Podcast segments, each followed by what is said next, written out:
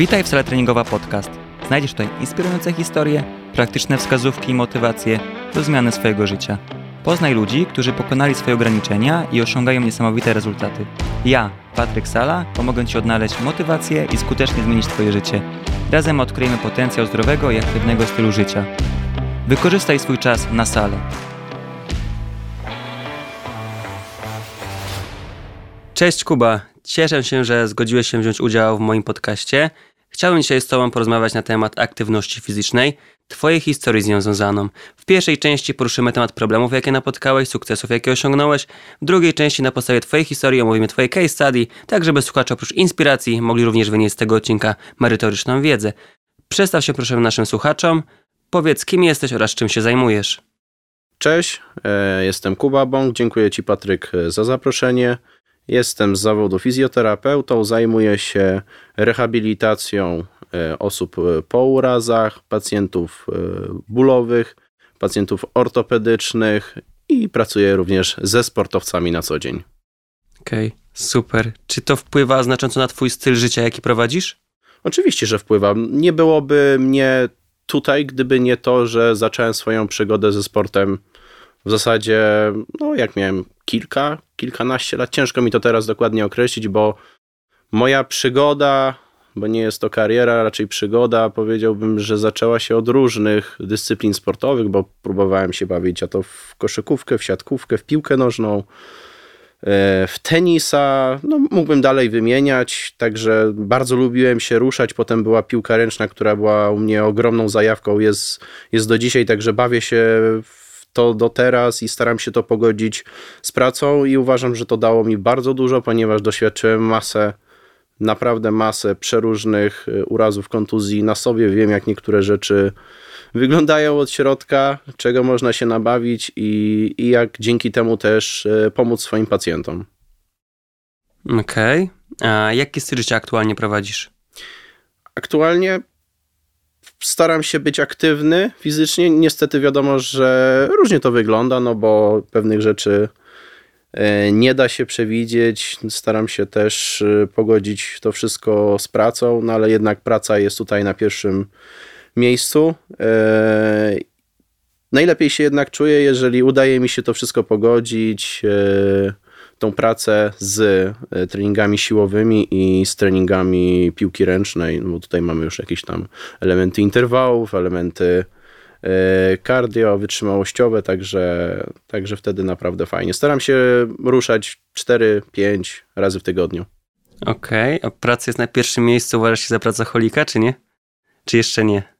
Kiedyś myślałem, że mnie to nie dotyczy, ale jak zacząłem sobie ostatnio liczyć godziny pracy w Excelu i przeliczać to na miesiące i na dni, to chyba jestem jednak pracocholikiem. A co ci wyszło? Nie chcę mówić tutaj, bo przestałem liczyć w pewnym momencie. Okay. I lepiej, lepiej może, żeby moi bliscy nie wiedzieli, ile jest dokładnie tych godzin. Dobrze. To będzie twoja tajemnica. Mam nadzieję, że chcesz to zmienić? Nie, w porządku. A jak długo chciałbyś tak ciągnąć? Nie wiem, no ja lubię swoją pracę, także mi to sprawia ogrom, ogromną satysfakcję. Lubię pomagać ludziom. Eee, staram się zawsze podejść do nich tak, jak ja bym chciał, żeby ktoś się mną zaopiekował. Eee, no i przede wszystkim samo to, że ktoś, ktoś zobaczy jakieś światełko w tunelu, że ktoś wyjdzie, nie wiem, mniej bolesny, czy, czy z jakąś poradą e, odnośnie tego, co może poprawić e, w swoim życiu, daje mi naprawdę dużą satysfakcję. Więc e, nie wiem, no, musiałbym chyba przestać lubić swoją pracę, albo musiałoby być tego naprawdę tak dużo, że żebym nie dał rady. Czyli uważasz, że możesz jeszcze więcej przyjąć pracy? Uważam, że nie, aczkolwiek łapię się na tym, że i tak przyjmuję. O, okej. Okay. Mm, sam się na tym często łapę i nagle się okazuje, że gdzieś tam jest czas, a myślę, że już nie ma czasu. Więc... także tutaj możemy się chyba zrozumieć co do tego. Tak, tak. Okej. Okay. Mm, a jakie masz zainteresowanie? Zależy, zależy co, o, o jakie zainteresowania się mnie pytasz. No wiadomo, że mam takie zainteresowania, które są związane z moją pracą, mam zainteresowania, które są związane z czasem wolnym. Więc y, może zacznę od tych, od tych y, związanych z czasem wolnych, z wolnym, bo są one prostsze, zbyt dużo o nich się nie będę rozwodził. E, także interesuję się motoryzacją, także jest to coś, co lubię sobie w wolnym czasie obejrzeć, lubię lubię pooglądać ciekawe materiały na temat e, samochodów. No a poza tym lubię, bardzo lubię sport i no i jednak to się też wiąże z moją pracą. Niestety nie da się tego ukryć, bo często jeżeli e, jeżeli pracuję jako fizjoterapeuta, muszę mieć dosyć mocne zagłębienie w ten sport. E, no zresztą pracuję na co dzień ze sportowcami. Dużo mi to też pomaga. Czym się interesuję? No to w mojej pracy bardzo interesuję się przede wszystkim terapią manualną i jest to temat, który ostatnio uwielbiam zgłębiać, bo są naprawdę czasami tak niesamowite przypadki u pacjentów, że no tak, tak naprawdę jest to tyle ciekawe, że każdy pacjent jest do ciebie zagadką. Jeżeli przychodzi pacjent do ciebie z objawami X i potem przychodzi drugi, teoretycznie identyczny pacjent, to nigdy oni nie mają tego samego problemu. Zawsze to źródło jest w innym miejscu. E, no i myślę, że dlatego też ta praca jest tak wciągająca, ponieważ tutaj trzeba być swego rodzaju detektywem i, i podchodzić bardzo indywidualnie do każdego przypadku i przeprowadzać takie własne śledztwo. E, I czasami naprawdę wyniki tego śledztwa potrafią być zaskakujące. Także tutaj mogę powiedzieć, że ta terapia manualna naprawdę niesamowicie mnie jara, więc jest to fajna rzecz. Mm, cały czas Maitlanda ciśniesz? Czy Tak. coś innego się otworzyłeś? Na ten moment nie planuję robić żadnych innych e, szkoleń z terapii manualnej, bo chciałbym dociągnąć, dociągnąć jak najdalej e, tego Maitlanda. Oczywiście koncepcja Maitland, no to, to jest nie tylko terapia manualna, no bo tak jakby mm, z racji tego, że jest to koncepcja, jest, to jest to taki otwarty twór, który zawiera w sobie wszystko poprzez wywiad, poprzez samo podejście do pacjenta, poprzez rozmowę. Mamy tutaj oczywiście niesamowicie szczegółowe badanie i podmiotowe, i przedmiotowe, e, świetną terapię, e, ale mamy też elementy, elementy treningu e, przeplatane w to, także no można powiedzieć, że to jest takie fajne, całościowe podejście do tego, jak można pracować z pacjentem. Więc na razie nie planuję robić nic innego, no bo jeżeli, jeżeli już się zaczynam zgłębiać w jedną, w jedną koncepcję, no to e, myślę, że warto byłoby to po prostu dociągnąć do końca. A ile tam masz łącznie poziomów? Łącznie mam cztery poziomy, jestem już po dwóch poziomach. E, planuję robić trzeci w przyszłym roku. Zobaczymy, czy mi się wszystko uda to pogodzić z terminami, no bo to są dosyć długie, tygodniowe zjazdy, więc e, no, wyłuskać kilka tygodni w roku na, na takie zjazdy, no to czasami, czasami bywa problem, no bo wiadomo, że wszystko trzeba też e, z pracą, z czasem wolnym pogodzić. No i obecnie są to dosyć dalekie wyjazdy, bo jak patrzyłem, no to następny wyjazd miałbym najszybciej do Gdańska, gdzieś w okolicach maja lub e, czerwca, więc praktycznie na drugi koniec e, Polski. No ale bardzo bym chciał, czekam na to y, z ogromną niecierpliwością, ponieważ są niesamowici prowadzący. Zawsze mm, z takiego wyjazdu wracam niesamowicie naładowany taką pozytywną energią i chęcią do pracy, bo no po prostu przekazują ogrom wiedzy i pokazują, naprawdę otwierają oczy. Myślę, że tak to trzeba nazwać, że po prostu otwierają oczy na pewne rzeczy, jak można w różny sposób e, tym pacjentom pomóc i jak czasami może to być proste.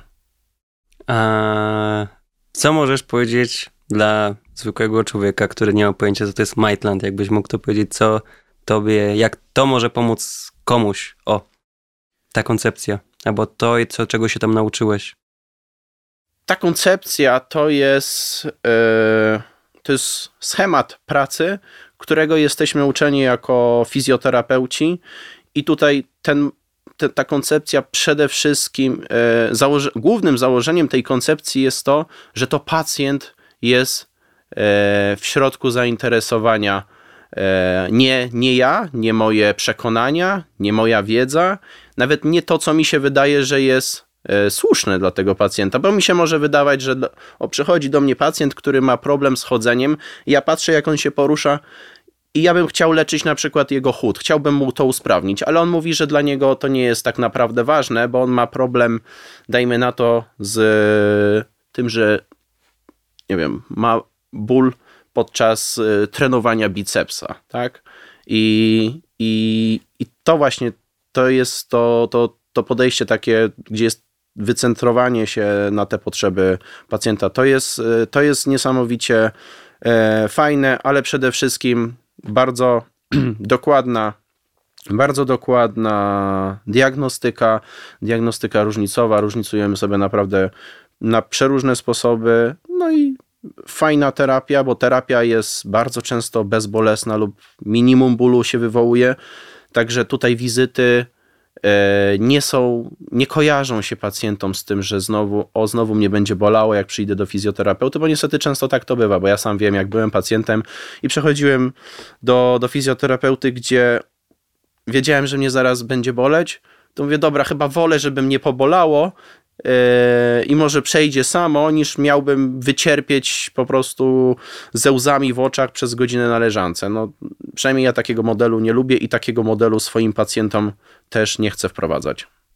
Mm, to Więc tak jakby reasumując, dla pacjenta ta koncepcja Maitland myślę, że jest gwarancją yy, przyjaznego podejścia dla nich i też takiego, które będzie oparte na najnowszych dowodach naukowych, bo jest to koncepcja, która stale się rozwija i jest to jedna z dwóch koncepcji, może jest ich więcej, na razie wiem, że są dwie.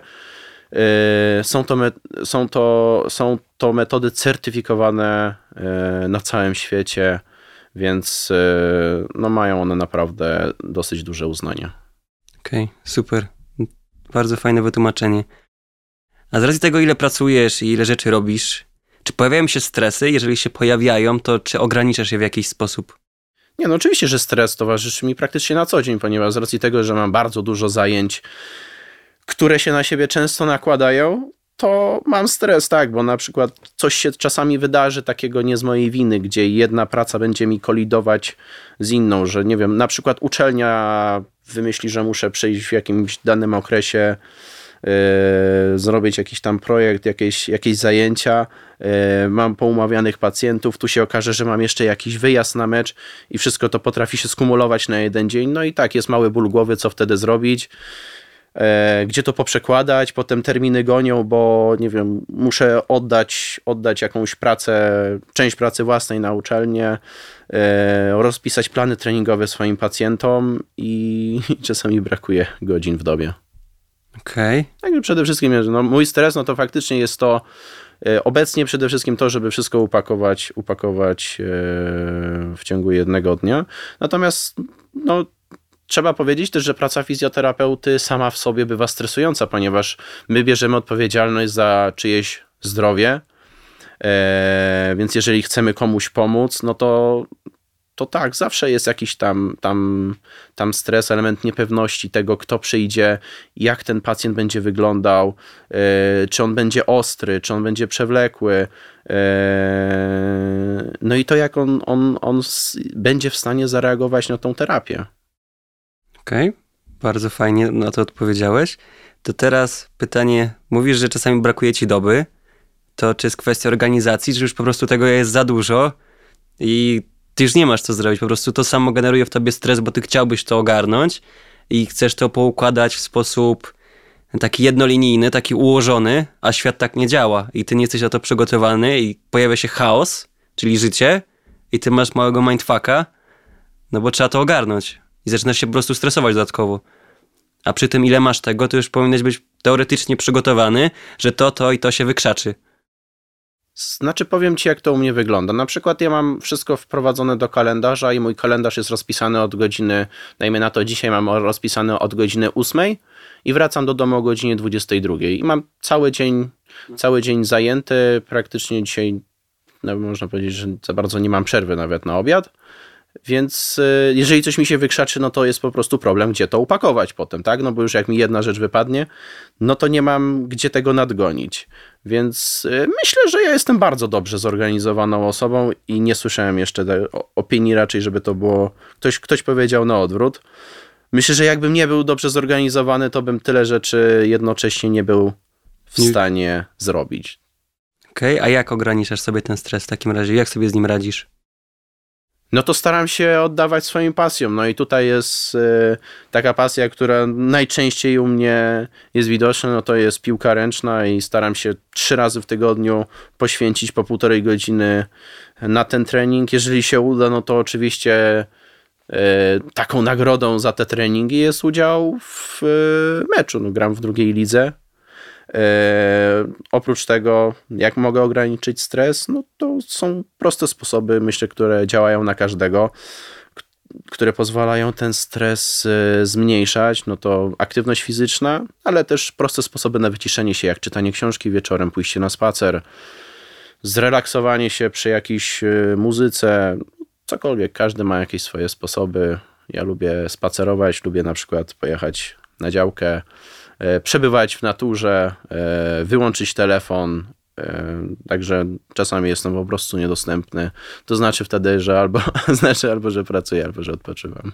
Okej, super. A wspomniałeś też, że e, praca fizjo wiąże się z tym, że jest jakiś tam stres, odpowiedzialność za zdrowie i tak dalej.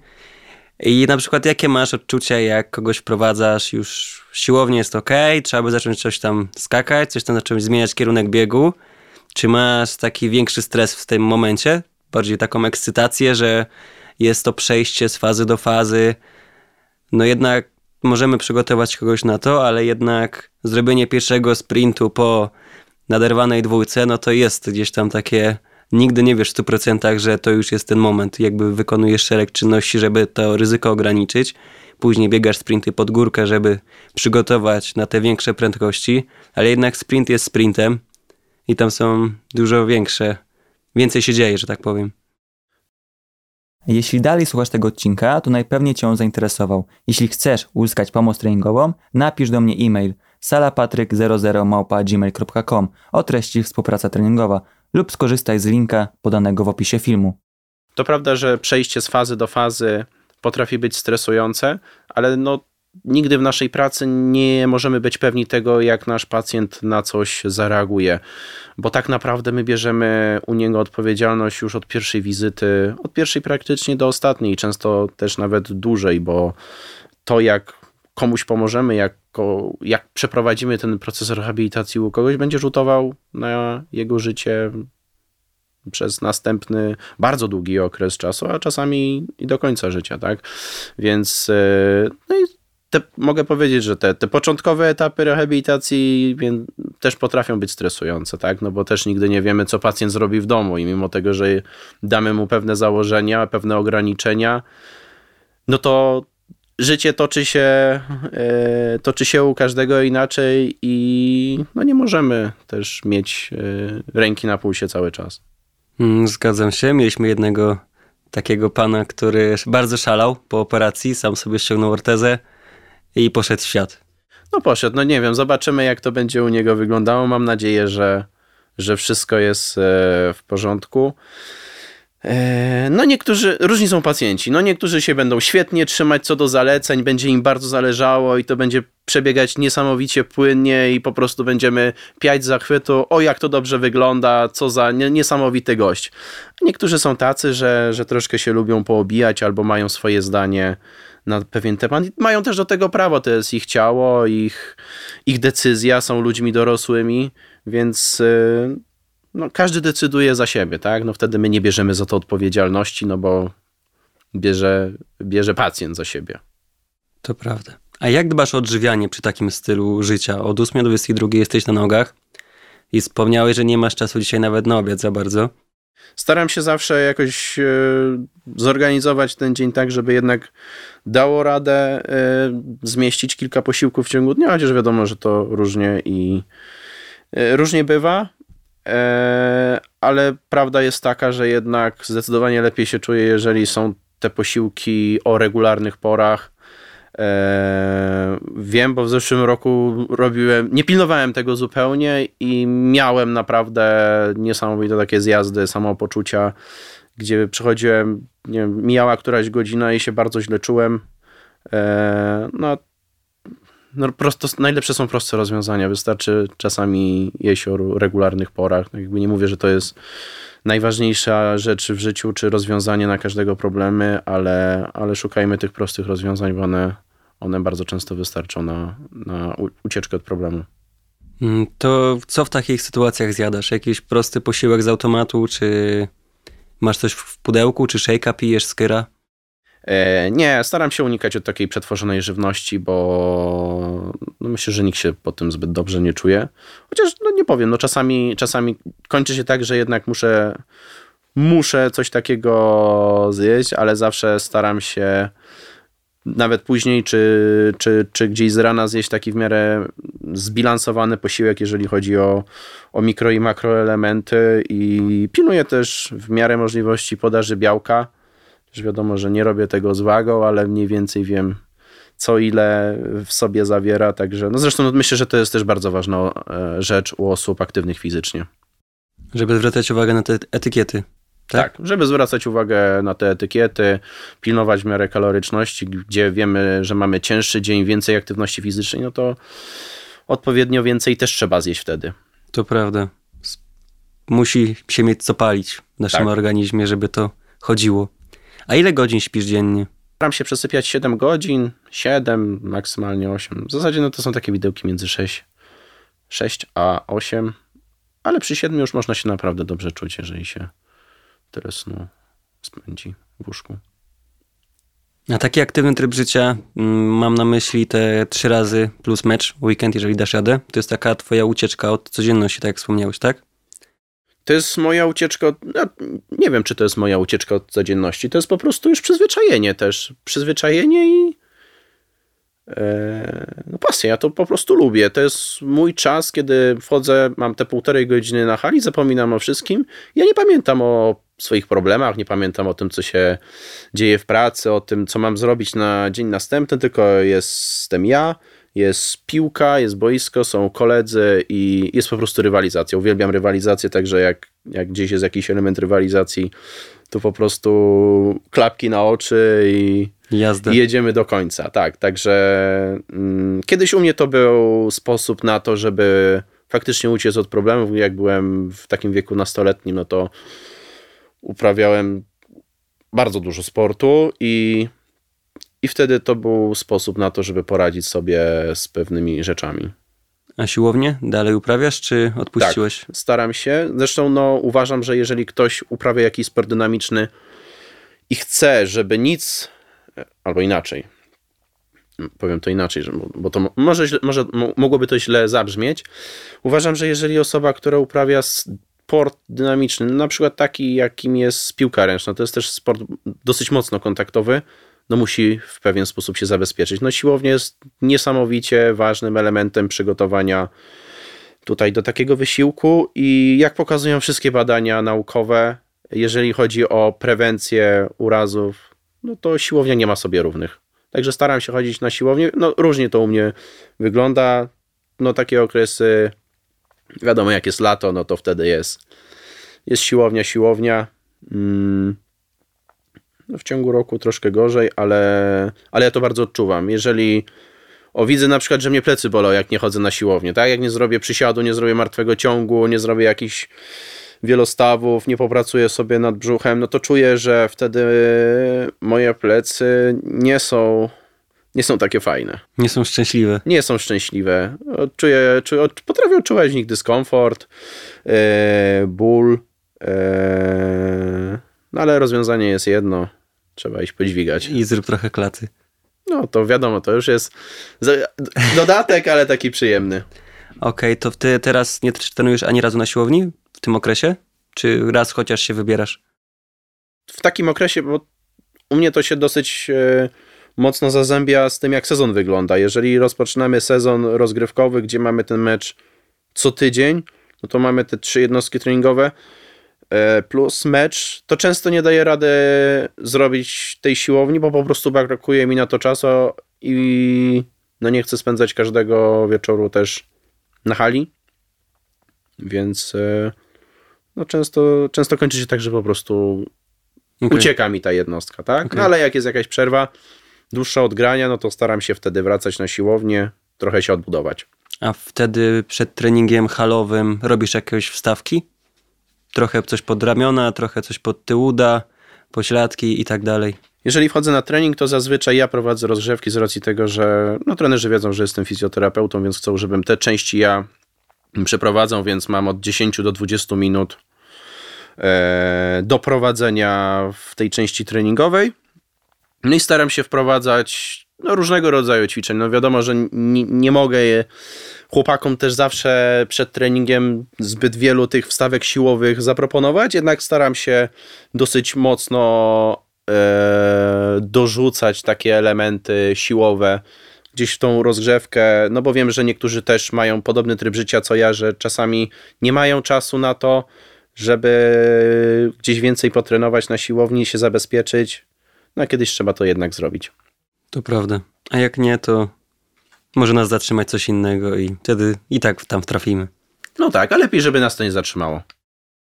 A na siłowni się poznaliśmy w sumie, w sensie taczy nie na takiej publicznej, ale pamiętam, że jak szedłem e, do ciebie od naszego znajomego Michała e, w sprawie praktyk, czy byś mnie przyjął na praktyki i wchodzę i patrzę fizycznie na siłownię, to jest takie na, jeszcze aktualnie rzadko spotykane, szczególnie u nas w mieście. E, no, myślę, że może może, może jest rzadko spotykany. Zależy też gdzie. No, uważam, że no tutaj ta część, e, ta, ta aktywna terapia jest bardzo często tą ważniejszą częścią terapii, no bo jeżeli ten pacjent nic sam ze sobą nie zrobi i będzie oczekiwał tylko, że za pomocą naszych rąk my rozwiążemy jedne, e, jego wszystkie problemy, no to jest to bardzo takie życie, życzeniowe myślenie. Także jednak no, ta siłownia jest nieodłącznym elementem naszej pracy i pamiętam faktycznie, jak się wtedy spotkaliśmy, to, to byliśmy na siłowni i no moi pacjenci bardzo często dostają jakieś rozpiski takie, e, takie na siłownię. E, różne, różne dostają ćwiczenia, ale bardzo lubię dawać im do domu ćwiczenia siłowe, bo to bardzo dużo można przez to problemów rozwiązać. To prawda. Nie pamiętam, że wtedy jak zobaczyłem i pogadaliśmy chwilę, to ja już wiedziałem, że to jak w grach, jakbyś mi się pojawił, jaki taki spadłeś z nieba i się hmm. pojawiasz i, i mówię, że ty z ludźmi ćwiczysz. Jesteś fizjoterapeutą i ćwiczysz z nimi na siłowni. To było takie ekstra. Gdzie byłeś przez cały ten czas, kiedy ja cię szukałem? No to cieszę się, że tak do tego e, podszedłeś, bo nie wiem, dla mnie to było takie zupełnie normalne. No przecież, no musimy ćwiczyć, tak? Jesteśmy fizjoterapia, no to to jest zawód, który nieodłącznie e, musi iść w parze z ruchem.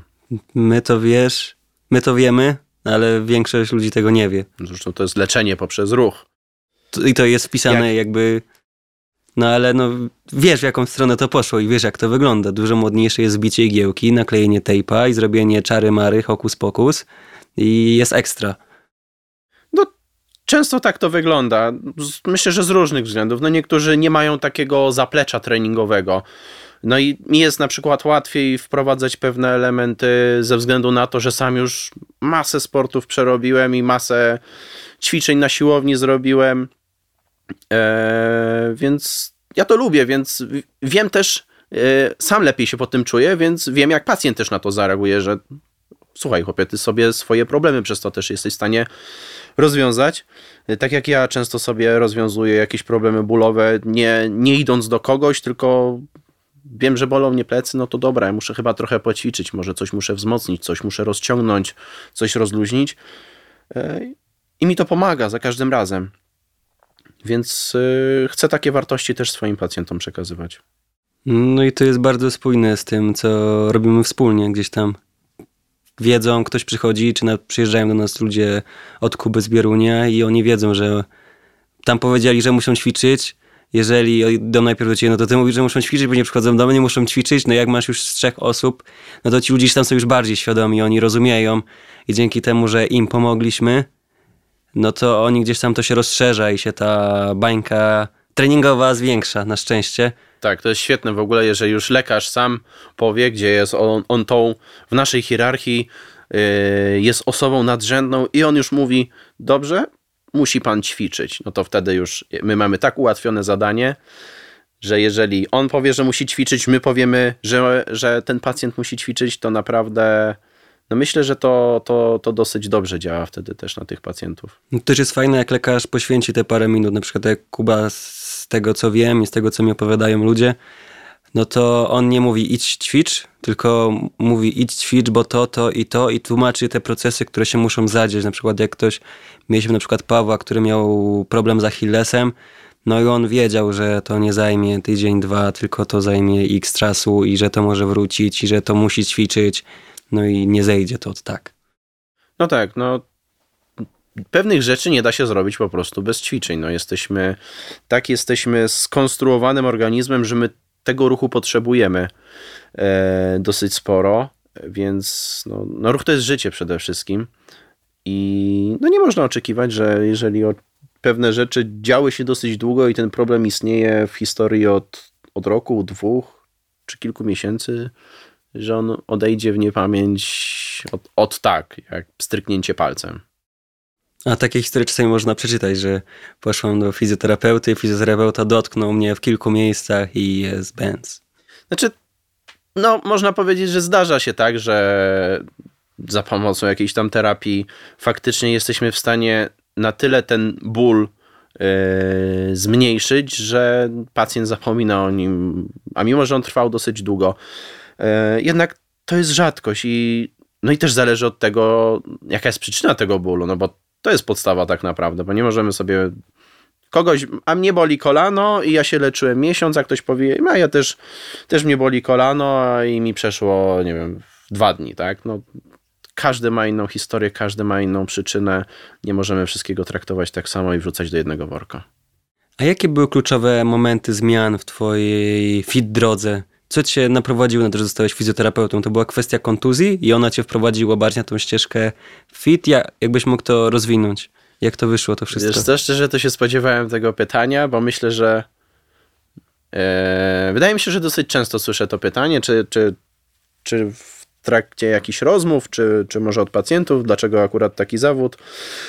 E, no i dobrze zgadłeś, tak? Miałem taki uraz, z którym nikt sobie za bardzo nie potrafił poradzić e, w Kielcach. To było, miałem wtedy 18 lat.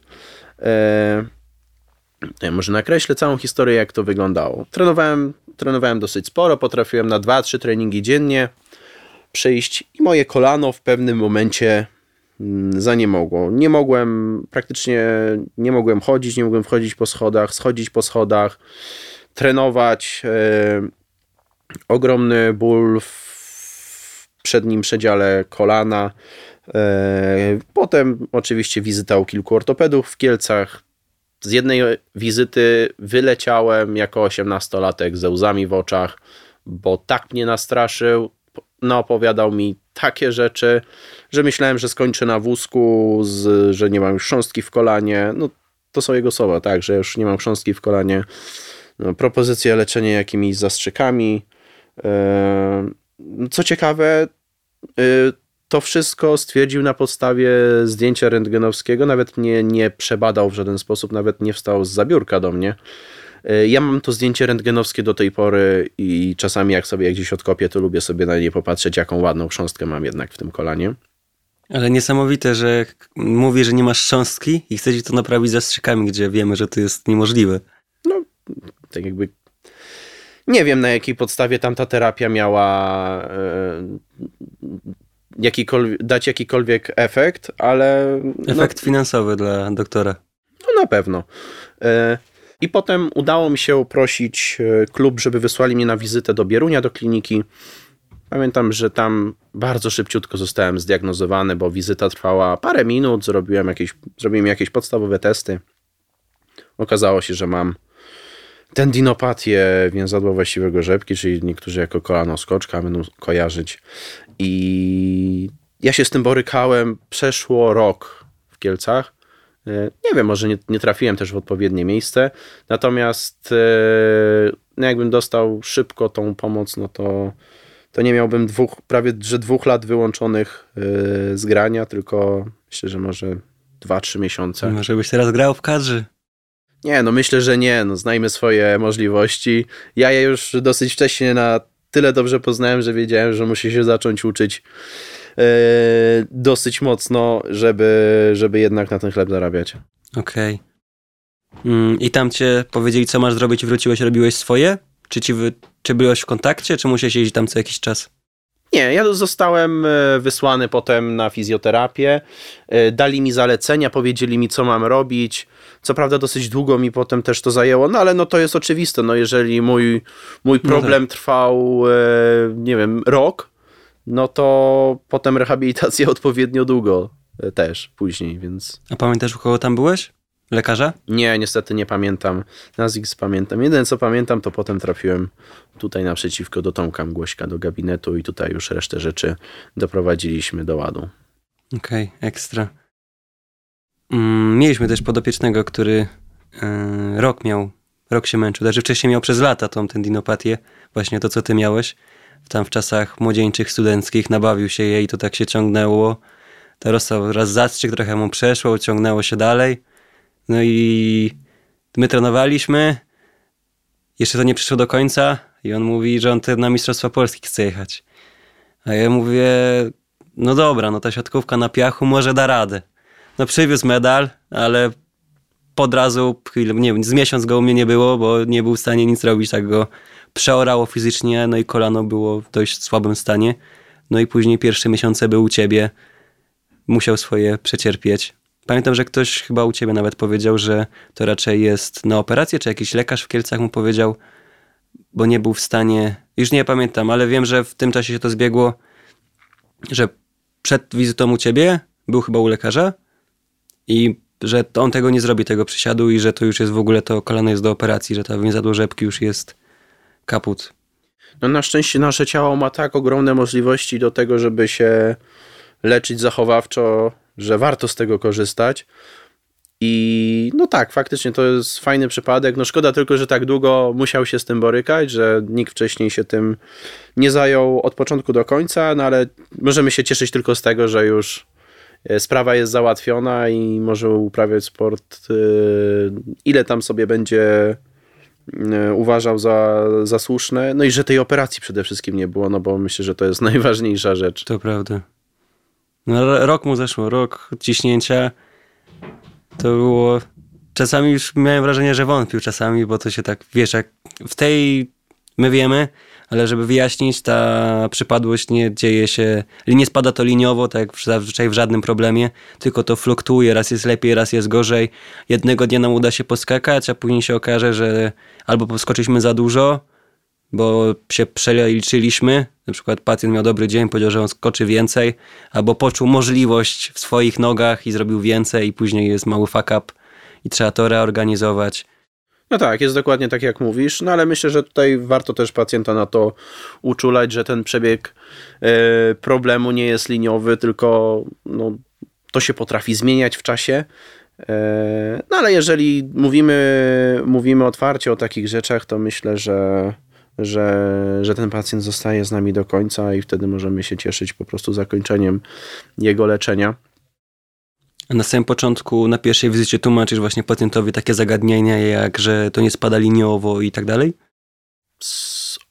staram się bardzo dużą część mojej wizyty poświęcić na edukację pacjenta, bo uważam, że ludzie e, często przychodząc do mnie po jakichś e, wizytach e, u innych specjalistów, oni nie wiedzą na czym polega ich problem, oni nie wiedzą jaki mają problem, jak mogą sobie sami z tym poradzić, więc tak naprawdę bardzo bardzo dużo czasu poświęcam im na to, żeby ich uświadamiać. Zresztą no, taka edukacja, jak nawet pokazują e, publikacje naukowe, że my, jeżeli pracujemy z pacjentami bólowymi, to musimy im e, dawać pewne informacje, musimy ich uświadamiać, musimy przedstawiać im te mechanizmy bólowe i, i z czego ten ból wynika. Także oni sobie sami dzięki temu też e, lepiej potrafią z nim radzić. To prawda, zgadzam się z tą w 100%. A miałeś jakieś wyzwania, czy odniosłeś jakieś porażki podczas tej swojej fitnessowej drogi, jak zaczynałeś grać w sporty, w piłkę ręczną? Czy pojawiły się jakieś problemy? Coś cię frustrowało? Powiedzieć, że to kolano, no na pewno było frustracją, ale było coś jeszcze? Nie no, porażek myślę, że było więcej niż sukcesów, zważywszy na to, w którym miejscu sportowo jestem. Więc y, tutaj głupio mówić o jakichś y, sukcesach. No wiadomo, że jakieś tam niewielkie y, były niewielkie sukcesy i też się potrafiłem cieszyć z małych rzeczy, jak jakieś zwycięstwo nad przeciwnikiem, na którym nam bardzo zależało, żeby mu urwać punkty. Więc jest to normalne. No, porażki, no to przede wszystkim co, no, moją porażką można powiedzieć było to, że nie, nie grałem zawodowo w piłkę ręczną i że nie, nie, nie mogłem się z tego utrzymywać. E, albo, że miałem jakieś tam urazy, bo miałem i czy to z kolanem, i miałem naderwane, naderwany dwugłowy, miałem problemy z barkami, e, skręcone kostki, wiem, złamany palec, no przeróżne rzeczy tam były, ale zawsze na szczęście się to dobrze kończyło zadowolony jestem z tego, jak to się wszystko potoczyło, także nie, nie narzekam. E, piłka ręczna jest ze mną dalej. Myślę, że będzie oho, oho, jeszcze dosyć długo. Taką mam nadzieję. Mam kumpli, którzy grają po. Mają 40 kilka lat i są dalej na boisku i idzie im naprawdę dobrze. Zamiatają młodych. Zamiatają, o zdecydowanie. Doświadczeniem. Nie, nie, nie wszyscy. Właśnie to jest ciekawe, że, że niektórzy w, po 40 prezentują się naprawdę niesamowicie dobrze fizycznie i tutaj naprawdę często lepiej niż młodzież, niż osiemnastolatkowie i potrafią ich i zabiegać i, i siłowo zgnieść. To ekstra, super. Ale jednak do profesjonalnej ręcznej chyba do, do, dotrwałeś inną, bo inną drogą, ale jednak w kadra Polski, bo jesteś w, w drugiej teraz, tak? E, no, jakby nie patrzeć, no można powiedzieć, że takie małe marzenie zostało spełnione, no bo udało mi się w tym roku e, z kadrami współpracować, bo miałem przyjemność z kadrą, no tutaj akurat e, w pionach męskich z kadrą U17, z kadrą U21, potem z tą U21 pojechać na Mistrzostwa Świata, no to to już w ogóle było niesamowite wydarzenie dla mnie. Także spełnienie takiego młodzieńczego marzenia, jak się jeszcze było takim czynnym zawodnikiem i się myślało o tym, że może samemu się będzie reprezentować kiedyś barwy narodowe. Byłem z kadrą B, e, też na zgrupowaniu, też mieliśmy gry kontrolne, czy to ze Szwecją, czy z Norwegią. No, mieć orzełka na piersi i usłyszeć hymn narodowy na płycie boiska, no to są takie wydarzenia, które myślę, że się nie zapomina. No to sportowcy zrozumieją, ile, że każdy gdzieś tam od dziecka, jeżeli gra w jakiś sport, marzy o tym, żeby kiedyś założyć tą koszulkę z orzełkiem i wyjść na boisko, kort czy cokolwiek, na czym się dzieje ten sport i usłyszeć tego mazurka słynnego. Tak, no myślę, że to jest taka największa nagroda dla sportowca, żeby jednak występować w tych barwach narodowych i, i, i spełnienie marzeń każdego z nich.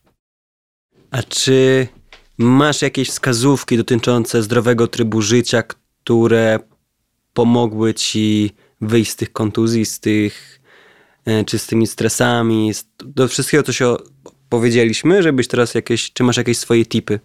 Moje tipy to zadbajmy po prostu o siebie. Pomyślmy o tym, czego nam brakuje. Każdemu brakuje troszkę troszkę innych rzeczy. No. E, jeden będzie, jednemu będzie brakowało odpoczynku, drugiemu będzie brakowało ruchu. No nie, nie możemy też powiedzieć jednej rady dla wszystkich odnośnie tego, nie wiem, ruszaj się, rób tyle, tyle a tyle. E, wiadomo, że są pewne ramy tego, ile powinniśmy się ruszać. Tak jak ostatnio wrzuciłeś na Instagrama bardzo fajny post, który mi się spodobał odnośnie ilości kroków, które powinniśmy robić e, na dzień, żeby zachować jakieś tam to względne zdrowie. Więc y, przede wszystkim to słuchajmy swojego organizmu, bo on nam daje masę informacji odnośnie tego, co się z nami dzieje, w jakim jesteśmy stanie. E, I potem, jeżeli już słuchamy tych informacji, no to reagujmy na nie, tak? Jeżeli wiemy, że mamy jakiś problem, no to może popróbujmy z nim popracować. Osoby, które pracują mm, za biurkiem, no to niestety po pracy powinny pójść raczej się poruszać i, i na odwrót. No, troszkę inna rada może być dla pracownika fizycznego, który jest na nogach cały dzień, no to on może, może inne formy aktywności będą dla niego wskazane. W każdym razie jednak e, taką ogólną radą myślę, że może być to, żeby ten czas spędzać aktywnie. Mm, zgadzam się, ale tak jak wspomniałeś, że dla pracownika fizycznego czasami lepiej odpocząć, ale z nimi też jest ten problem, że oni często wykonują jedną czynność cyklicznie. czyli przykładowo przekładają cały czas pudło w jedną stronę, czy kręcą betoniarką w jedną stronę, czy ciągle niosą tą samą cegłę w ten sam sposób po tej samej ilości schodów, przykładowo. No tak. I to też generuje obciążenie cały czas tkanki w tym samym momencie, w tym samym miejscu i tak dalej. I czasami ten inny ruch pomoże im i, i jak ich ciału, żeby się lepiej czuli. Tak, zgadzam się. E, No ale no, to tak jak mówię, trzeba do każdego podchodzić indywidualnie, no bo jeden będzie wykonywał przez 10 godzin ten sam ruch przenoszenia paczki, o którym mówiłeś, ale na przykład inny pracownik będzie miał bardziej zróżnicowane zadania w pracy i on będzie robił w lewo, w prawo i 20 innych różnych rzeczy i będzie robił przeróżne wzorce ruchowe i on może być ogólnie dosyć dobrze obciążony, więc yy, dla niego na przykład ten odpoczynek już będzie Tak, zgadzam Myślę, się. że, jest... że, że wtedy będzie bardziej wskazany. Nie? nie zawsze więcej znaczy lepiej, bo czasami mamy tendencję ze sportowcami do pracy taką, że nie wiem, ktoś robi dwa treningi dziennie i my mu dodamy jeszcze y, a odpocznij sobie w taki, taki sposób, zamiast po prostu I iść na spać. rzemkę, idź spać, zadbaj o to, ile godzin śpisz. No to są takie podstawowe rzeczy, o których często zapominamy, a my sobie będziemy, nie wiem, robić jakieś rolowania, przeróżne rzeczy, yy, zajmiemy czas tym, yy, tym sportowcom i oni, oni będą non-stop w jakimś yy, cyklu treningowym cały dzień. No przecież tak też nie można funkcjonować. To prawda, nie da się. Dlatego fajnie, że też chodziło mi do, nie, że to, co powiedziałeś, było złe, tylko żeby dać szerszy pogląd na to, że okej, żeby ktoś nie pomyślał, że okej, ja pracuję fizycznie, to teraz fizjoterapeuta powiedział, że w sumie to ja już się nie muszę ruszać, bo pracuję fizycznie, wiesz o co chodzi. Wiem o co chodzi, tak mogło to źle zabrzmieć i, i nie, to tak nie jest. Nie, no, no teraz może sobie zaprzeczam. W każdym razie sens tego był taki, że e, no jednak warto, warto się ruszać i nie możemy traktować tego w ten sposób, że jeżeli pracujemy fizycznie, no to mamy potem leżeć kopytami do góry. Ale to tak, że sam sobie zaprzeczysz, ale to cała jest ta fizjoterapia i to wszystko, że to nie jest zero-jedynkowe, to jest tak wiele odcieni szarości, żeby dobrać coś odpowiedniego dla kogoś i żeby nie sprawić przypadkiem nocebo, Tak. że jak zdamy sobie sprawę, ile czasami nasze słowa ważą, to tak jak w Marvelu, w Spider-Manie, że wielka moc wiąże się z wielką odpowiedzialnością, Tak, więc tak. No to jest skomplikowane i wyważyć to, to jest moim zdaniem największa sztuka właśnie w tej edukacji, o której wspomniałeś, że edukujesz tych pacjentów i to przynosi czasami większe korzyści niż to, co ty później z nimi zrobisz, bo czy on zrobi takie ćwiczenie, czy takie. No tak, no bo czym jest godzina mojej terapii na, w przeciągu, dajmy na to, tygodnia, gdzie mamy 7 dni po 24 godziny, jak on nic nie będzie robił potem, nie? Jak on nie będzie tego kontynuował. To prawda. To ja wolę mu poopowiadać pewne rzeczy i powiedzieć, co ma zrobić i on zrobi mi to po 10 minut, po 10 minut yy, dziennie już będzie miał lepszy efekt niż yy, jedną terapią raz na tydzień. tak jest tak, i są- czasami... To są takie rzeczy. A tak, a wracając do tego, jak mówiłeś, że to wszystko, y, wszystko jest względne, no to taki inside joke jest wśród środowiska fizjoterapeutów, jak no, to już na studiach się nauczyliśmy, że jak się pytaliśmy, a co zrobić w takim przypadku? To zależy. No i to zależy jest odpowiedzią na każde pytanie tak naprawdę i kiedyś tego nie rozumiałem, dlaczego myślałem, że może wykładowca mi nie chce powiedzieć, dlaczego nie mogę pracować w taki sposób z kimś, albo dlaczego nie, nie zawsze to będzie dobre rozwiązanie, bo faktycznie każdy jest inny, każdy przypadek i, yy, ma inne podłoże i, i nie da się dać takiego jednego protipu. Także jak są na przykład jakieś filmiki na Instagramie, zrób trzy proste ćwiczenia i nie będą cię boleć plecy. Nie, no przecież to powinno być karalne. To prawda. Znaczy, no, no, no że trochę przeholowałem teraz, ja też. 25 lat Każdy- grzy albo 100 zł grzywny. W każdym razie to jest tak durne. Ja po prostu jak to oglądam, to, to czasami sobie myślę, Jezus, dlaczego tak? Znaczy ja wiem, dlaczego ludzie to robią. Po prostu to się dobrze ogląda i to się fajnie sprzedaje. Natomiast jeżeli myślisz, że o, zrobisz, że ktoś dał jakiś tam filmik i ty zrobisz te trzy proste ćwiczenia i one będą dla ciebie, no nie, one nie będą dla ciebie, bo to są jakieś trzy ćwiczenia wyselekcjonowane, a zrobimy to, to i to. One nie są dla ciebie. Mogą pomóc, ale nie muszą. Oczywiście, że mogą pomóc. Zresztą, o, za, zacznijmy od tego, że przeważnie, jeżeli ktoś zacznie robić cokolwiek więcej i zacznie się ruszać, to już mu tak, to pomoże, tak, nie? tak. To może iść na Nie musi- spacer. tak, może iść na spacer. Jeżeli ktoś zacznie się więcej ruszać, to jego pro- problemy nagle zaczynają znikać też. To prawda. Ale to tak jak ja tworzę tą rolkę o sąsiadach i też mam zawsze taki dylemat, żeby nie wpaść przypadkiem w te trzy ćwiczenia, nie? Mówię tylko nie w to, bo nie chciałbym po prostu być z tym łączony i gdzieś tam opisuję to, że to nie jest tak, możesz spróbować tego, ale nie wiem, czy to ci pomoże, to jest po prostu wskazówka. Możesz spróbować, ale nie wiem. No to jest bardzo fajne podejście, no i yy, no u nas nie ma, yy, mam wrażenie, że nie ma, jest, o, inaczej to powiem, jakby to jakby to ująć najprościej. E, uważam, że my jako zawody, ogólnie jako zawody medyczne trochę się wstydzimy powiedzieć nie wiem, tak? No my nie zawsze wiemy to, co się wydarzy z pacjentem, zanim pewna rzecz e, się wydarzy, tak? No, nie wiem, idziemy do szpitala, leczyć się na, e, na pewne schorzenie i podpisujemy pewne zgody, że leczenie jest na naszą odpowiedzialność. Yy, na przykład lekarz nigdy nie wie, czy dany lek nie wywoła jakiegoś wstrząsu anafilaktycznego w naszym organizmie. To, to zawsze jest nie wiadomo, tak? No my jesteśmy organizmem żywym. Yy, różne są wariacje, yy, wariacje pomiędzy nami, także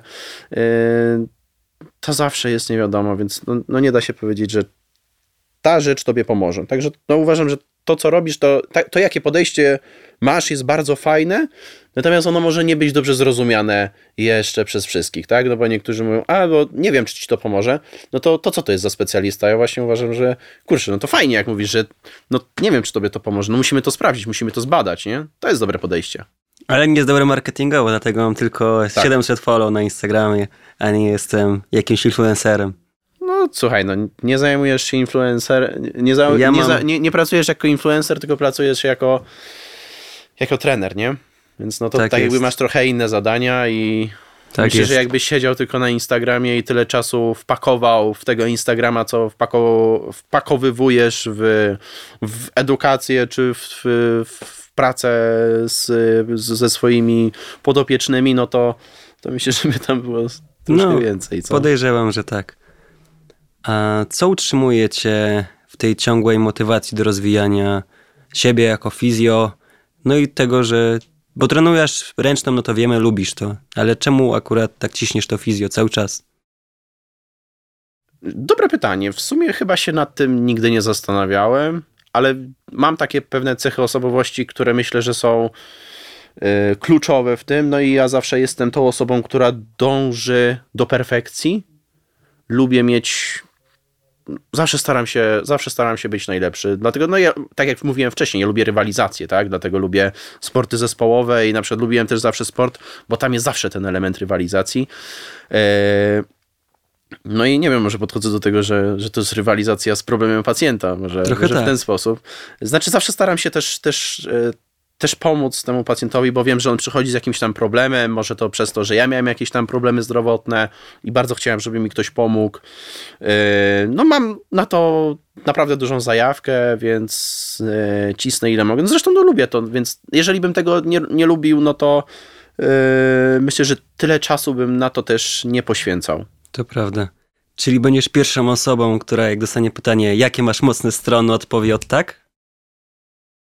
Yy, znaczy, te mocne strony potrafią być też tymi słabymi stronami, tak? Bo to w zależności od tego, jak się na to spojrzy. No ja uwielbiam rywalizować, ale nie zawsze ta rywalizacja też jest dobra, no bo czasami trzeba komuś odpuścić, trzeba powiedzieć, dobra, no to tyle wystarczy, a ja wiem, że czasami mam z tym problem. Krześniakowi, który ma dwa lata. Nie no, dzisiaj ty wygrałeś. Nie no, no takie rzeczy, no ale no po prostu lubię rywalizować, więc yy, no lubię z każdym rywalizować o, w ten sposób. Mam podobnie i nie cierpię przegrywać. To jest nie, nie mój klimat w ogóle. Tak, tak, tak. Ja to wiem po sobie, bo na przykład pamiętam, że pojechaliśmy w zeszłym sezonie na mecz, pojechaliśmy do drużyny, którą powinniśmy ograć i to tak zdecydowanie. Niestety przegraliśmy, nic, nic nam nie wychodziło. No i ja się po prostu popłakałem po meczu, nie? No dorosły gość, okay. łzy mi tak le leciały. Pamiętam, że w taką furię wpadłem, że myślałem, że szatnie tam zdemoluję. Zresztą nie no, może nie będę tego mówił. Ta, taśmy Jakuba Bąka wychodzą taśmy, na no. no. Mm. tego nie było. A czy napotkałeś kogoś, kto ci pomógł w twojej treningowej drodze, żeby to, no też fizjoterapeutycznej oczywiście? E, Jakiś mentor? Na przykład bardzo, no, jestem ogromnie wdzięczny fizjo e, z Poznania, z Recha Sportu, Bartkowi Kiedrowskiemu, który mnie na koncepcję Maitland naprowadził, bo to u mnie e, odwróciło odwróciło życie do góry nogami, jeżeli chodzi o ten e, świat fizjoterapeutyczny. Czyli szedłeś w Altmet? Nie, nie, no może nie szedłem w Altment, e, no ale moja praca zupełnie inaczej wygląda od kiedy zacząłem. E, Na plus? pra- tak, zdecydowanie na plus. Lepsze efekty na tym osiągasz? Tak, jestem, tak, zdecydowanie lepsze efekty, no ale co za tym idzie, wiem też, potrafię zbadać pewne rzeczy, określić naturę problemu e, i mm, co mi to jeszcze daje? A no przede wszystkim potrafię sobie radzić też dzięki temu z problemami, z którymi wcześniej nie wiedziałem za bardzo jak pracować. Więc to, je, to, to jest ogromna zaleta. Czyli po prostu nauczyłeś się czegoś nowego, odblokowałeś nowe zwoje w głowie.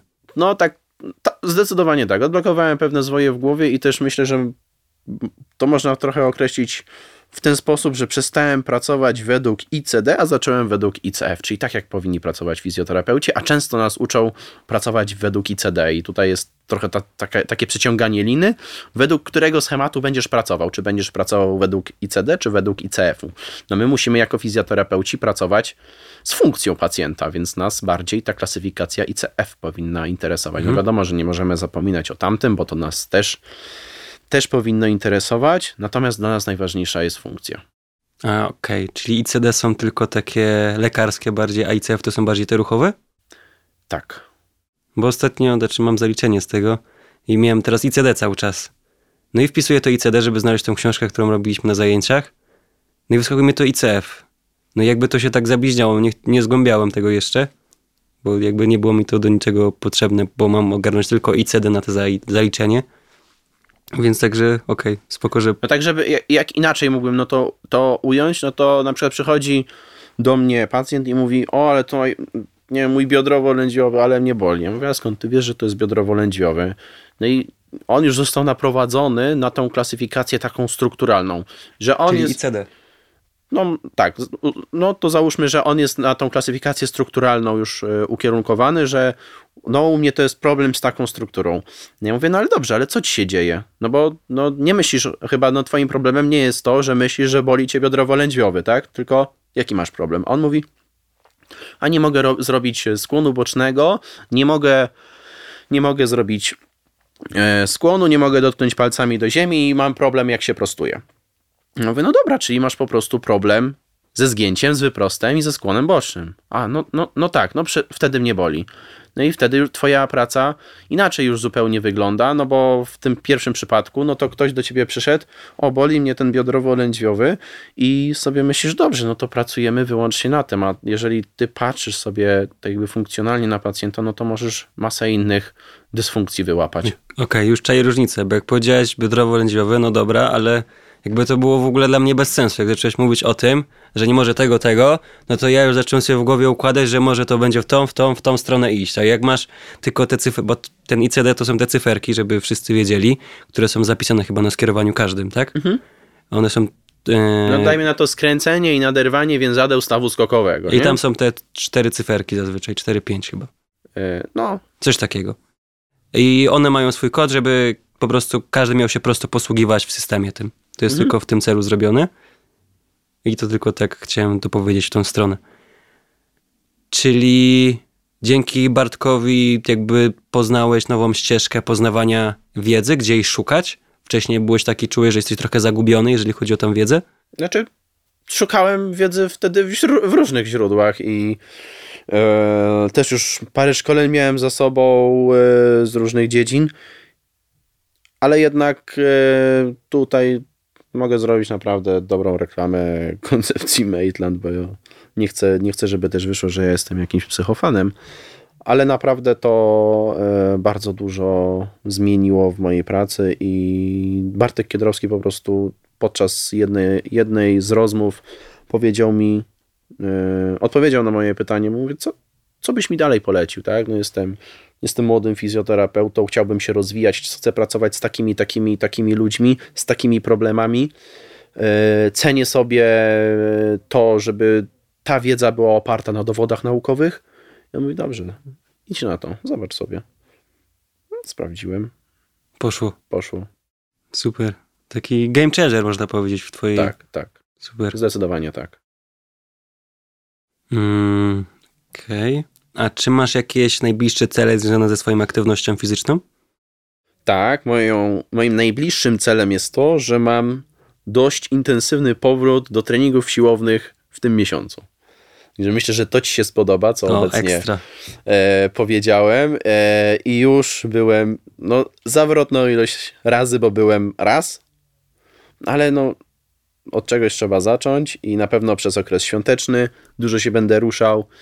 E, świąteczny, noworoczny, mam, mam trochę tych treningów w planach, chcę się trochę e, odbudować. Super. Jak chcesz, to wpadaj do nas na Eastside. Możemy coś podźwigać razem. No bardzo chętnie. Myślę, że, że troszkę czasu się teraz wyda, e, uda, uda zebrać na to, żeby, żeby zrobić wspólny trening. Powiem ci, że mi też chęć wróciła, bo jak wróciłem z Kataru, to czułem się, jakbym coś mi wyciągnęli ze mnie, taką Mhm. pustkę totalną. E, nie wiedziałem, z czym to jest związane. Jakby wróciłem stamtąd i mnie znowu posadzili w tej smutnej, szarej Polsce aktualnie, a tam masz 30 stopni, słońce, plaże. No i ekstazę błoto, gdzieś, nie? ekstazę gdzieś tam, no bo jednak bycie w takiej klince to jest jak, nie wiem, wyjście i zagranie w koszulce Barcelony, nie na Camp Nou, czy na Santiago Bernabeu, czy nawet w naszym słynnym Vive na cały świat, no nie, Tak. to jest coś, Zdecydowanie. Nie? e, dla naszej branży to jest coś dużego moim zdaniem, przynajmniej dla mnie.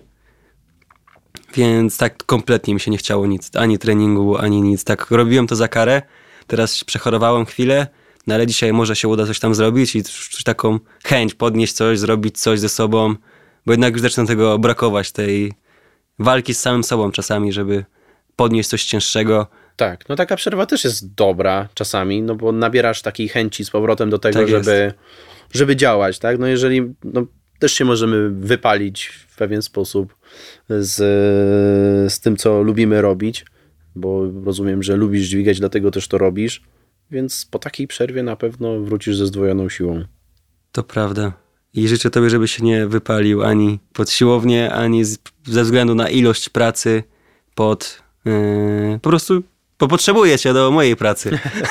potrzebuję Myślę, Możemy powiedzieć, że potrzebujemy się nawzajem, bo taki model, jaki jest obecnie, że dostajemy pacjenta, który przychodzi z fajnej kliniki, albo powiem inaczej, przychodzi z bardzo dobrej kliniki.